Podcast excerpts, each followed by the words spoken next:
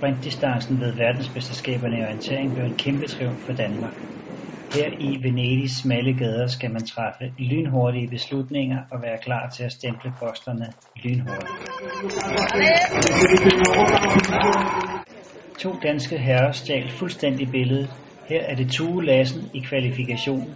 Tue, som sikrede sig en ganske sikker kvalifikation med et fint løb.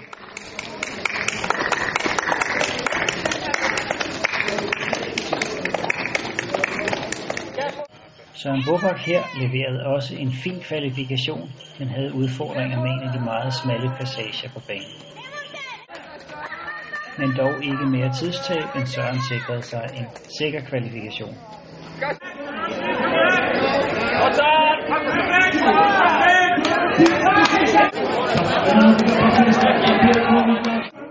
Og her i finalen passerer Søren stævnepladsen i bedste tid, og det gik så stærkt, at vi ikke har nogen billeder fra hans målindløb.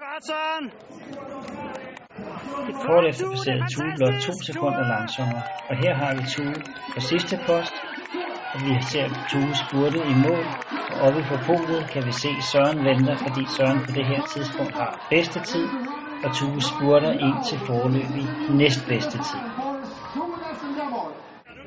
Og så er der bare ventetid ind til sidste deltager er i mål.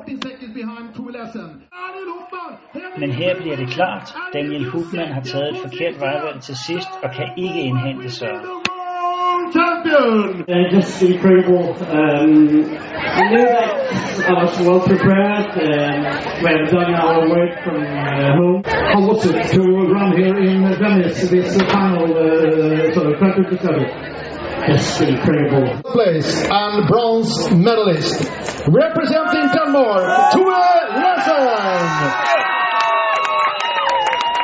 Gold medalist and world champion from Denmark, ladies and gentlemen, Søren Bubak.